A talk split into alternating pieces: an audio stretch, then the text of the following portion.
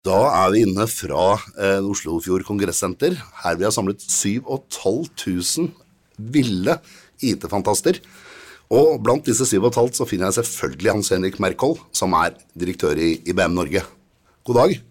Tusen takk. Eh, utrolig hyggelig å være her, Thomas. For en opplevelse å være blant så mange fantastiske IT-entusiaster. da. Ja, Det er mye mennesker her, altså. Ja, det er eh, enormt. Det er også var litt sånn, det er litt sånn reunion, kjenner jeg, for det er så mye kjente folk her. Ja, En sånn klasse, blanding av klassefest og Holmenkollen-marsjen, liksom. Ja, det var sånn noe. Det blir det. Du, vi har noen spørsmål vi stiller eh, disse her topplederne som er, og du er jo selvfølgelig en av de. Um, begynner med det første. Du, hvordan, hvordan leser dere IT-bransjen i dag eh, kontra for ti år siden? Og hvilken utvikling har dere sett over de siste ti årene? Ja, altså Det er ikke noen tvil det har vært en enorm utvikling innenfor digitalisering og fokus på IT, hvor viktigheten av det. Men likevel så går det ikke fort nok. Eh, Abelia ga ut eh, sitt omstillingsbarometer bare for noen uker siden, og det viser at Norge dessverre som samfunn sakker akterut i forhold til de andre nordiske landene, og også i Vest-Europa. Ennå så fort det går? Enda så fort det går. Og, og hvis vi skal både opprettholde og konkurransekraften vår og effektiviteten og i de tjenestene som leveres, så må vi omstille oss raskere. Du må steppe opp gamet. Definitivt. Det er noe med den sense of urgency i forhold til endringene som vi må få høyere opp på, opp på agendaen. Og det er ikke noe tvil om teknologi er på en måte den viktigste ingrediensen for at vi skal lykkes. Det er eh, kloke ord. Jeg går videre.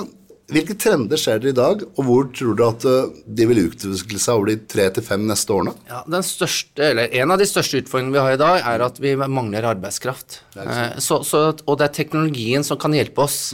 Så det trender som eh, automatisering er helt sikker på kommer til å bli veldig viktig framover. Hvordan vi kan på en måte gjøre de enkle arbeidsoppgavene og automatisere og flytte menneskene høyere opp i stacken. Veldig viktig. Hvordan vi tar i bruk ny teknologi, altså maskinlæring, kunstig intelligens, blir ekstremt viktig for å få mer verdi ut av dataene. Og så er det ikke noe tvil om at sikkerhet, den økte sikkerhetstrusselen og jeg opplever at Norge kanskje er nesten litt sånn naive i forhold til det. Det blir om mulig enda viktigere framover. Og så er det litt sånn ny teknologi, da. Eh, kan ikke komme helt unna av kvantum. Eh, og, og kvantum tror jeg i løpet av de neste tre til fem årene kommer til å være en, en altså en en øyevåkner, hvis jeg kan si det. Det er vel kanskje ikke helt riktig begrep å si Ja. det. Eh, men, eh, men, men det som kommer til å skje, er at vi kommer til å få løse problemstillinger som vi i dag engang ikke vet finnes. Altså problemstillinger som kanskje vi bruker i dag mange mange år på å løse, kan vi løse på noen sekunder med ny kvanteteknologi. Det er så mye prosessorkraft. Ja. Vanvittig. Du, jeg går videre. Um, hvordan påvirker IT-sikkerhet deres hverdag? Eller vår hverdag? Ja, altså Det påvirker oss alt vi gjør. Både som en privatperson, eh, men også selvfølgelig som, både som en næringslivsleder og som en ansatt i et selskap. Eh, Så, så det handler om det å bygge en bevisst holdning, kultur til det. Ikke minst hvordan vi deler kunnskap, og det at vi, vi må ta sikkerhet på alvor. Altså, som jeg sier, jeg opplever kanskje Norge som nesten litt naive i forhold til det. Vi er et sånn tillitsbasert eh, samfunn, men sikkerhetstrusselen den er global, den er ikke lokal. altså. Det er jeg veldig glad du sier. Jeg sitter også med den samme opplevelsen ofte. Du, nummer fire her. Hvilke tiltak gjør dere for å øke bevisstheten til egne ansatte? Ja, vi gjør mye. For det første så har vi vært veldig opptatt av å bygge den rette sikkerhetsarkitekturen i IT-infrastrukturen vår. Det er liksom, det må være på plass. Vi bygger, jobber veldig mye med å bygge kunnskap gjennom kursing, både eh, kurser som du alle må ta, men også, men også sånn frivillige kurs. Så det gjør vi hele tiden, så vi, vi jobber mye med det. Vi bygger veldig mye fokus på holdninger Holdninger. holdninger i alt vi gjør i forhold til sikkerhet. Eh, og så er det noe sånn at uh, egentlig alt vi selger av produkter og tjenester, har jo noe med sikkerhet å gjøre. Så det er jo som en del av hverdagen vår. IBM er en av de selskapene i verden med flest sikkerhetseksperter. Det er, eh, det er bare musikk til å komme her. Men du, helt avslutningsvis, hvordan vil du gi andre virksomhetsledere en forberedelse på, på morgendagens trusler? Ja, det er ikke så lett å gjøre, men jeg, jeg, jeg, lyst- jeg, jeg, skal gi dere tre pluss ett råd, hvis jeg får lov til å gjøre det. Gjør det. For det første så handler det veldig mye om å skape forståelse. Å Og bygge de rette holdningene og den rette kulturen. sant? Dette, og dette må forankres i alle ledd i organisasjonen. Det er liksom nummer én. Starte med ledelsen, liksom. Ja, Absolutt. Og det andre så har det jeg har vært inne på, det er å sørge for at vi har og bygger den riktige sikkerhetsarkitekturen i IT-infrastrukturen. Og det handler om kompleksiteten i den. Det handler om sensitiviteten i data, som, som har selvfølgelig ulike nivåer. Og ikke minst hvem som skal ha tilgang til hva. Ulike tilgangsnivåer. Det vil jeg si den andre. Det tredje er dele kunnskap. Vi må dele kunnskap, og vi må være villige til å lære av hverandre på tvers av selskaper og industrier og land. Og hvis jeg kan ta det fjerde, da, den eh, pluss én, Pluss én. eh, og, da, og da tror jeg dette er et så alvorlig problem forover, så vi må være flinke til å alliere oss med eksperter. Vi må hente inn kompetanse. Det tror jeg er ekstremt viktig. altså. Og med de kloke ordene så sier jeg takk til IBM-direktør Merkol, og lar deg slippe ut blant 7500 mennesker igjen. Tusen takk for det, Thomas. Takk skal du ha. Hei og velkommen til en ny episode av podkastserien Før alarmen går. I dag har jeg med meg en spennende gjest som har lært meg mye gjennom tidene, og jeg lar deg introdusere deg selv. Hvem er du? Tusen takk, eh, Thomas. Jeg heter Lars Nordbrun. Jeg jobber i IBM. Så i IBM så har jeg jo ansvaret for eh, alle teknologisamarbeid som IBM og Athea gjør i, i, i Norden. Så fagfeltet mitt er ganske bredt. Eh, Jeg har hatt eh, nokså lang karriere i IBM-systemet. 16 år. eh, Touchet inn i mange forskjellige teknologiområder som arkitekt. Eh, og sånn i lys av det vi snakker om i dag, så vil jeg jo si at over disse 16 årene så har jo sikkerhet gått fra å være en, eh, en teknologi i ene enden til å bli noe som er en hygienefaktor i alle ting som vi gjør. Det er, det er jeg glad for å høre du si. Um, du har vært med i IBM så lenge, da har du jo opplevd mye. Ja, det vil jeg si. Altså, mange endringer Det er ikke alle, alle endringene du ser før etterpå, men, eh, men vi, eh, vi har eh, store, store endringer nå, spesielt i, i de siste årene, hvor liksom hele den transformasjonen nå til å være et selskap selskap som fokuserer på punktprodukter, til å være med plattform, ja. hybrid skyreise, men med en klar føring på hva skal jeg si, funksjonalitet innenfor sikkerhet, innenfor AI, innenfor data og tilgjengeliggjøring av data for forretning i det, hele tatt. Det er jo nisjen vår egentlig i markedet. Ja, det er jeg glad for å høre. Det, altså, du, for, for de lytterne som ikke vet hva IBM er, for det er, liksom, det er noen sånne staute, harde bokstaver som vi har sett mange steder, men, men, men hva, er, hva er IBM? IBM er jo et selskap som har 111 års fartstid. eh, sånn 111 år? Ja, så vi da har var det ikke. PC du startet med? Vi startet ikke med PC. Eh, Jeg tror vi startet med var det telegrafmaskiner og sånn. ja. IBM står jo for, og da er kanskje markedets lengste firmanavn, International Business Machines. Så det er nokså generisk, men egentlig så har det vært høyst relevant gjennom hele, hele IBM sin karriere. Eh, Men det som jeg vil si er en av uh, ryggmargsrefleksene i IBM, og som har vært med oss i, i store deler av den perioden, er jo um, forskning. Sånn at uh, i tillegg til å være et selskap som folk har uh, kjennskap til på produktsiden, kanskje ikke så mye siden ikke vi har PC-er og, og, og sånn Men dere hadde? logo. Vi hadde PC-er. Vi, vi fant jo opp selve PC-begrepet. Men det jeg skulle si, var at uh, gjennom uh, hele perioden så har jo forskning vært en viktig del av hva vi skal drive med. Mm. Ikke bare hva vi gjør i dag, og produktutvikling. Sånn at vi har jo hatt eh, 28 sammenhengende år hvor, hvor vi er verdens mest patenterte selskap, eh, som vi er veldig stolte av. Eh, men det vil jo også si at en del av våre, eh, våre oppfinnelser er jo en del av andres leveranser også. Så det er jo ikke bare våre egne produkter, men det er jo også som en teknologiaktør i markedet. Ja, det er uten tvil det er mange som Ja, dere påvirker mye mer enn selve IBM. Ja, 10% av vår globale omsetning går jo tilbake til forskning og utvikling. Det er jo helt fantastisk. Men du, hvordan ser dere markedet i dag? Jo, vi, vi ser jo Markedet har jo, er jo preget av én ting som har med, med, med hypes og, og hvor man sier at man skal, mm. men vi ser jo også på hvor er det faktisk markedet beveger seg, eh, som eh, da gir innspill tilbake til hvor er det egentlig vi har eh, skoer, skoer som, som trykker, og, og områder som man må, må jobbe kanskje ytterligere for å, for å akselerere. Sånn cloud-migreringen f.eks. ser vi jo nå over vi har jo snakket om cloud-migrering i titalls år, og, og, og vi ser fortsatt at, eh, at det er 20 eh, som er migrert. eh, Og det er de 80 som ikke er migrert, og det er de 80 vanskelige prosentene. Hvorfor er det ikke migrert? Eh, Dette er jo en, en viktig element av det. I den spredningen som vi har nå av systemer fra å være sentralisert til å bli distribuert, og brukere fra å være sentralisert, eller i hvert fall klart definert, til å være distribuert både som brukere og som administratorer, alle disse tingene gjør jo også at bildet blir mindre oversiktlig, eh, og da blir jo jobben med å jobbe effektivt, den blir viktig. Automatisering er helt essensielt vi må kvitte oss med heltene. ikke sant? Vi må prøve å la systemene og, ja. og maskinene gjøre det maskinene er mye bedre enn oss på. Ja. Så kan heltene de kan gjøre valgene, mens eh, systemene våre kan gjøre automasjon. Det er en god måte å styre på, faktisk. Så, og så er sikkerhetsaspektet selvfølgelig helt, eh, helt, åpenbart nå. da, At uh, vi vet jo ikke hvor uh, truslene sitter. Nei. så vi er nødt til å forholde oss til at truslene potensielt kan være alle steder. Jeg, jeg, vet at du også er um, opptatt av dette her med kvante, og du er liksom Du har vel noe eierskap til det også, har du ikke? Jo, det er riktig. Jeg sitter som, uh, som bindeleddet mellom vårt uh, internasjonale kvantecomputing's forskningsprosjekt mm. og norskindustrien og akademia. Så jeg, jeg Hva står kvantecomputing for, bare før vi går videre? Ja, Det er faktisk ikke noen forkortelse. Nei, så, så, Nei men Definer hva det handler om.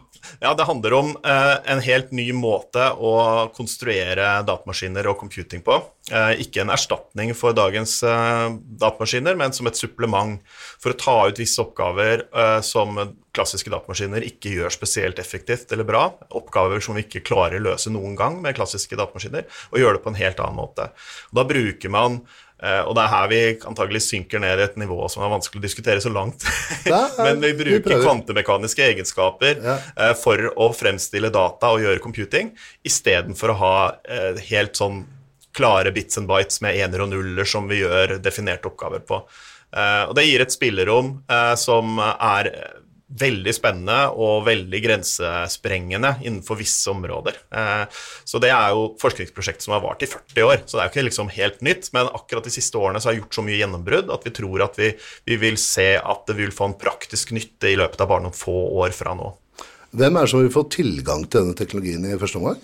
Du og jeg har tilgang fra i dag. Ja. Så vi er jo tilgjengelig på nettet også, hvor du kan kjøre oppgaver eh, på kvantedatamaskiner. Men, men eh, sånn i, i, fremtiden så vil jo eh, jeg vil si de områdene hvor, hvor de vil få nytte av det. Og, og, i dag så er det jo gjerne selskaper som har store forskningsprosjekter innenfor prosessindustri, kjemi, medisin, men også innenfor finans og finansiell modellering, men som har et, hva skal vi si, et, et ordentlig eh, forskningsapparat da, og skal tenke litt langsiktig på det, de vil ha nytte av å jobbe med det allerede i dag for å forberede seg for framtiden. For de som er først med de nye løsningene, de kommer til å vinne de markedene de er i. Jeg vil jo tro at uh, IT-kriminelle har en uh, stor interesse for å kunne bruke denne teknologien, de òg. Hvordan har vi noe prevent... Er det noen som bestemmer hvem som får tilgang, og må du argumentere? Hvordan Akkurat jeg, jeg, skjønner du sikter til også at uh, en så sterk uh, computer power vil også få, være en, et potensielt trusselbilde. Et stort Spesielt trusselbilde. fordi at uh, man har modeller som sier at når datamaskinene blir store nok, og det kan være 15-20 år fra nå, men når de blir store nok, så kan de knekke RSA eller den ordinære sikkerhetsmetoden mm. som vi ser på på nettet. Um, og dette er jo noe som vi må begynne å jobbe med i dag. Eh, så, så, faren selvfølgelig er at dette er teknologi som kommer i, i feil hender på et altfor tidlig tidspunkt. Mm. Men eh, amerikanske standardiseringsmyndigheter har jo holdt på nå siden 2016 med å lage post-quantum encryption-sikre eh, algoritmer. Altså ja. algoritmer som er sikre også med kvantidatmaskiner. Og i sommer så lanserte de fire standarder som de anbefalte for å kjøre ut som den, de neste, neste krypteringsstandardene for å være forberedt for framtiden. Eh, så vi har løsninger i dag, eh, men som både du og jeg vet, det tar lang tid å innføre nye standarder. Vi vet jo at vi har protokoller og løsninger i dag som har vært erkjent usikre i, i, i titalls år, og som fortsatt ikke ja. er klart å bli rulla ut av systemet. Det er derfor jeg er litt opptatt av at vi må starte i dag. Altså. Ja, ja det, er, det, er, en god ting å si. Du, jeg, har, jeg, har, en annen uh, frykt oppi, oppi, dette her. Når maskinparken begynner å bli vass nok, så vil man jo kunne kjøre deepfakes i real time. Og i siste, siste stanse er, er jo øynene mine. Jeg stoler jo for så vidt på det jeg ser. Og hvis du sender live på TV altså CNN satte jo et sånn ektehetsstempel nå eh, på, på dekningen av Ukraina f.eks. Ikke sant? Tror du vi kommer dit at vi på en måte kan gjøre faken så rask i real time at vi blir lurt? Ja, Det er jeg helt overbevist om at uh, deepfake er en, det er en spennende teknologi på ja. en måte, men, ja. men, det er også en veldig skummel teknologi fordi at, som du sier, det, det, utfordrer egentlig en del ting som vi betrakter som helt troverdige, og det er våre egne øyne og vår egen fortolkning. Jeg syns det er viktig da, når vi nå trekker opp på en måte trusselbildet og mulighetsbildet litt i balanse, mm. at de store aktørene har et etisk ansvar. og, og når du snakker om de store aktørene, så snakker du om de som produserer dette, ikke sant? De som produserer ja. teknologien bak, og, og, det er klart at det er et stort marked her med aktører som man ikke kan kontrollere, men, men IBM har jo bl.a. gått veldig teten for det vi kaller trustworthy AI. Mm. Det er jo å ha et forhold til hva du skal bruke teknologien til, men også hva den er basert på. At trenedata som vi bruker for å lage modellene, det er etisk hentet inn, vi har rettigheter til det, og ikke minst at vi klarer å gå tilbake og finne ut hvorfor eh, algoritmene har gjør de beslutningene de skal. Altså ha en større grad av gjennomsiktighet, selv om det er kunstig intelligens. Uh, og det er en viktig, viktig, del, og det håper man setter som en, en, form for trend, sånn at de store aktørene som er med på å utvikle den teknologien, også har et etisk ansvar for anvendelse. Men tilbake til deepfake. Det er jo et, eh, også et mulighetsrom for hvordan, hvordan du kan bruke, bruke, dette her i markedet. Så det handler jo om å, å være teknologioptimist på den ene siden, men helt klart realist. Og på den siste siden være tydelig og, og, og etterrettelig på hvordan det skal brukes. Ja, for Det som bekymrer meg, er jo egentlig ikke teknologigigantene. Jeg har jobbet i en bransje her i 20 år og, og på en måte vært gjennom sånne retningslinjer flere steder jeg har jobbet. Eh, og, og, vet jo hvordan vi har det. Men eh, jeg bekymrer meg når myndighetene begynner å bruke det. For det, hvem skal utstede det ektestempelet på hva vi ser? Er det de lokale landene som gjør det? Så vet vi at uh, du, kan på, du kan stole på et land i dag. I morgen så stoler du ikke på det lenger. Ikke sant? Så hvem, dette her er jo selvfølgelig ikke et svar du kan gi meg, men dette er en bekymring jeg faktisk ser på. Ja, Men alle har en historie de for, vil fortelle, ja. så i første omgang så tror jeg det er viktigst at du vet hvem som er kilden til det du ser, mm. eh, og at du har en, en, en, tydelighet på hvem som er avsender. Eh, og det går jo tilbake på sikkerhet også. Sikkerhetskommunikasjon og alt mulig rart. Du må vite hvem avsenderen er. Og det er det verktøyet du har i dag. La oss gå over til noe annet. Altså, hva gjør IBM i dag som er mest relevant for lytterne våre? Hva er også sånn, tenk på, hva har vi mest bruk for i hverdagen? I hverdagen? Ja, vi, vi prøver jo å være en, en teknologiaktør som, som, skal gi en nytte for, for jordkloden i den ja. store sammenhengen, som absolutt preger hverdagen. Uh, ofte så blir det litt abstrakt. Uh, jeg liker å prøve å trekke det litt ned på, på hva uh, virksomheter i Norge f.eks. Vil, vil ha et forhold til. Så eh, foruten å være en av de største sikkerhetsaktørene i markedet, eh, har produkter innenfor de forskjellige eh, elementene av en, en zero trust-strategi, mm. så gir vi også våre teknologier inn til samarbeidspartnere som ja, Microsoft bruker f.eks. også våre sikkerhetsløsninger inn for å, for å gjøre det ytterligere. Ja. Og forskningsinstitusjonene våre gjør uh, early um, warnings uh, inn mot systemene for å sikre at, uh, at, ting som skjer et eller annet sted i verden, også feedes inn til de andre som kjøper tjenestene fra, fra oss, sånn at de er, er, sikre. Så det er den rene datasikkerhetsbiten av det. Men, men, samtidig så er vi også den, en stor aktør innenfor ja, 95% av alle kredittkorttransaksjonene dine går jo gjennom en IBM-maskin. Ja. Så vi er jo fortsatt limet i bankfinans ja. eh, og transaksjonssystemer der. Eh, vi har jo vært innom AI og, og Watson-teknologien som vi har operert med i flere år. Eh, språkforståelse. Jeg har faktisk en kokebok jeg, fra Watson. Ja, så herlig. Ja. har, du, har, du, brukt den? Du, Den er veldig komplisert, for det er ikke nødvendigvis smaken den har fokusert på.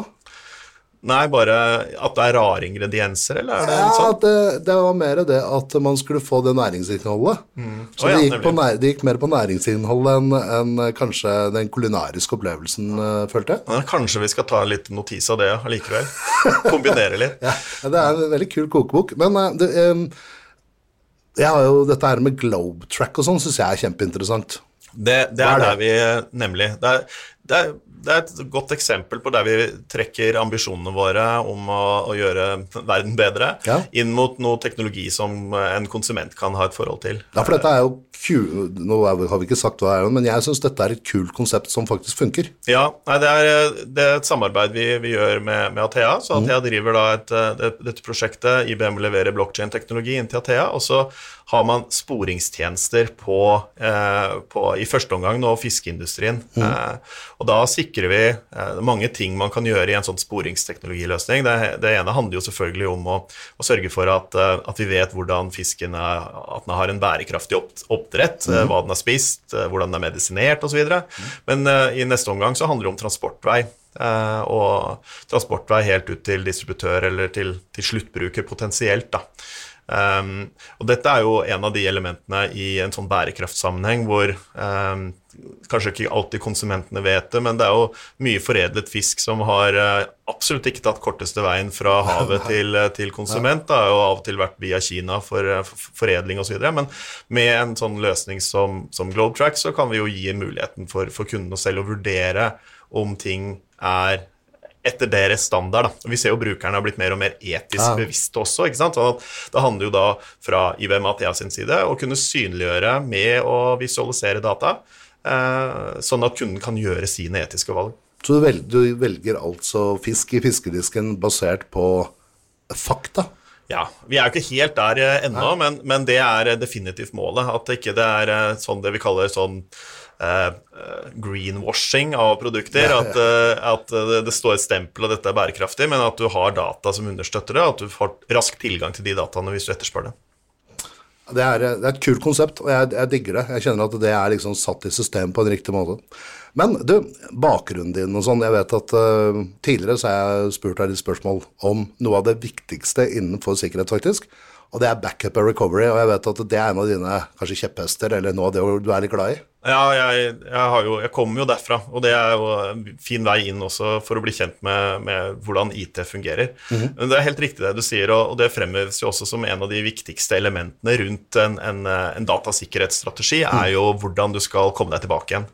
Eh, og Det er da- jo nummer, faktisk punkt nummer tre, grunnprinsippene til NSM. Ja. Dette her med backup og recovery, ikke sant. Det er så viktig. Ja, det høres litt bakpå ut, men, men det handler jo ikke da bare om at du har en, en kopi av dataene, men, men det handler jo også om at, at du skal ha en I det øyeblikket du trenger å, å rulle data tilbake, så skal du vite at de dataene du har sikret da, i backup-systemet ditt, er eh, konsistente. eh, At ikke du har samme ransomware-attacker på de backup-dataene, f.eks. Hvordan hindrer, hvordan hindrer jeg det?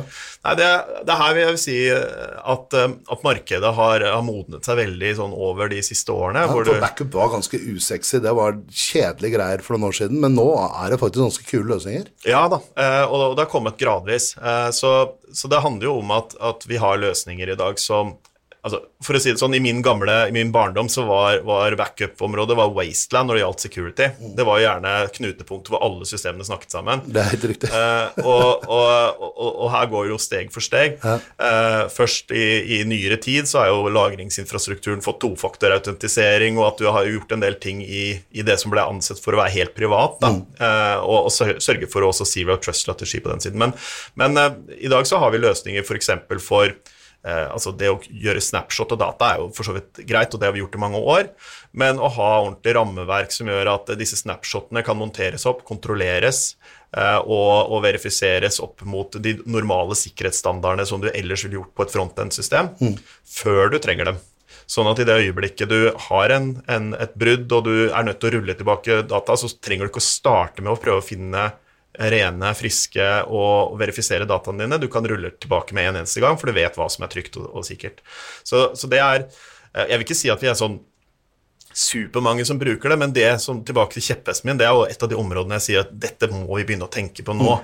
Eh, For i Jeg opplever du at flere og flere tar tak? Altså ransomware er jo Eller det har vel vært med på å dytte den ballen ganske fort, har det ikke? Jo, det har det, skjønner du. Og, og, og hvis du ser på, på kostnaden av ransomware og kostnaden av data breach, eh, så er jo veldig stor del av den kostnaden preget av hvor lang tid det tar å få måtte rense opp i systemet ditt, Ja, ja. ikke hvor lang tid det tar å oppdage. Nei. Så i den grad du klarer å korte ned den tiden, i dag tror jeg det er et sånn gjennomsnittlig, så tar det nesten 300 dager ikke sant, for å komme deg fra, fra oppdagelse til, eller fra attakk til du har rulla det. Det er gjennomsnittstall, men, men like fullt, det er jo liksom snakk om mange måneder. Hvis du klarer å kutte én måned, to måned, tre måneder, eller kanskje ned til noen få uker, så har du redusert drastisk da, den kosten totalt sett. Så det er Én ting er jo selvfølgelig tryggheten du har, sove godt om natta osv., men det handler direkte om penger. altså, At du har en god backup-løsning når du skal tilbake igjen. Når vi, når vi snakker om, så, så kaster vi også opp backup og recovery. Hva, hva er backup, og hva er recovery? Backup det er jo å sikre dataene dine. Recovery er jo å bringe dem tilbake.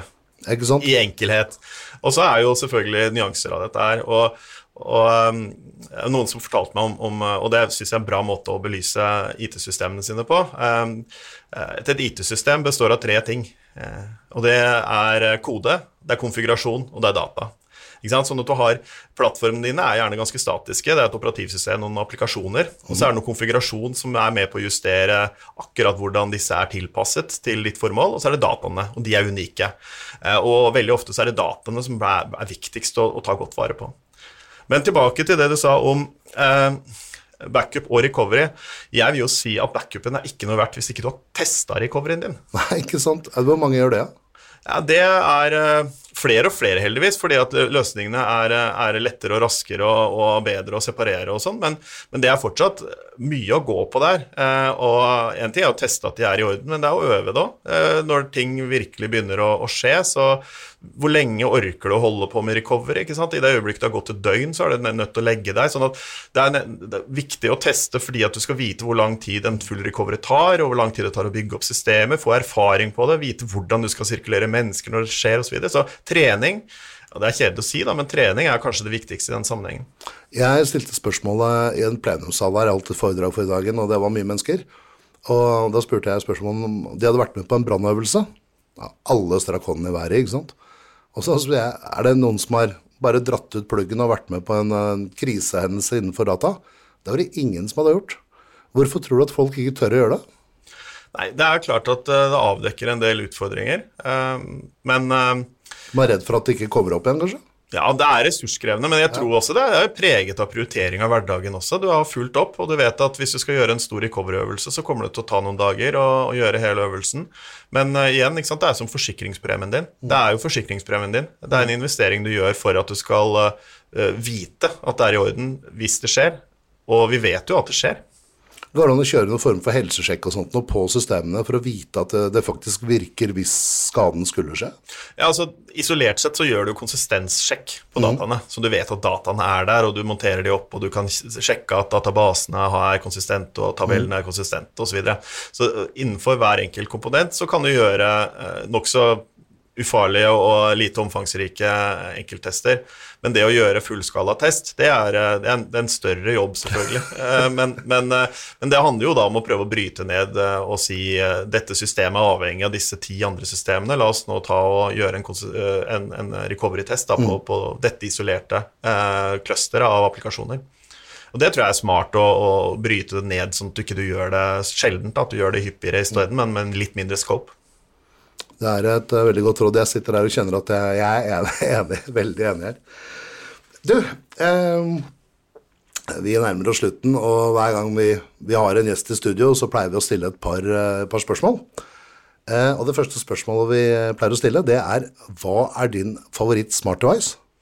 Ja, det er litt herlige spørsmål. Uh, spesielt fordi jeg egentlig har veldig lite smart-devicer. Uh, når Er du en mann som deg lite Det er herlig. Jeg tenker et smarthus må bestå av smarte mennesker, sånn primært, da. Men, men eh, eh, så hvis jeg skal gå etter smart-devicer i dag Jeg har en mobiltelefon som jeg kan si at jeg liker eller ikke liker, litt avhengig av hvem som ringer. Men, men jeg har en katteluke eh, som er kobla på nettet, og så vidt jeg vet foreløpig, så er ikke katter underlagt GDPR. Eh, så jeg har full kontroll. Eh, ikke sant? Jeg er jo et hus nå med snart tre tenåringsdøtre, og, og sånt, så det er klart at jeg måtte skaffe meg en hannkatt for å utjevne kjønnsbalansen, og han har jeg overvåket med en eh, katteluke. Eh, den er trygg å ha.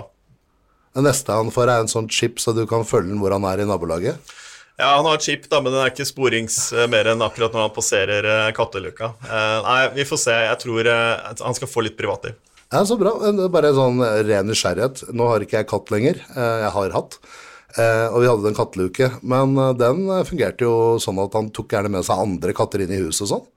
Ja, her er det, Den er chip-orientert, sånn at eh, hvis det kommer en annen katt og prøver å dytte på luka, så står det at eh, 'an animal is looking through the flap'. står det.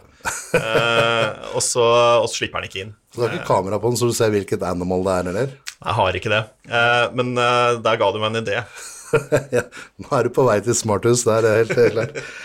Du, det siste spørsmålet jeg stiller er eh, hva er ditt beste råd å gi lytterne våre? Altså sånn, jeg vet at du kunne, gitt, kunne sitte en time og prate om råd, men hvis du skal plukke ut ett råd, hva er det beste rådet du gir?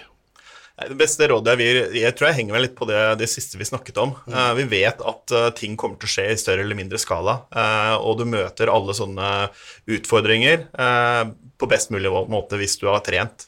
Så om det er backup recovery-tester du gjør, eller, eller eh, ransomware attack-simuleringer, eller ren tørrtrening av her har du en incident, hvordan vil selskapet ditt operere på et rent sånn informasjonsnivå? Eh, og det er jo ikke veldig på en måte systemfokusert i det hele tatt, men Ja. mer et sånn prosessfokus-greie. Men trene, det er mitt beste råd. Trene på.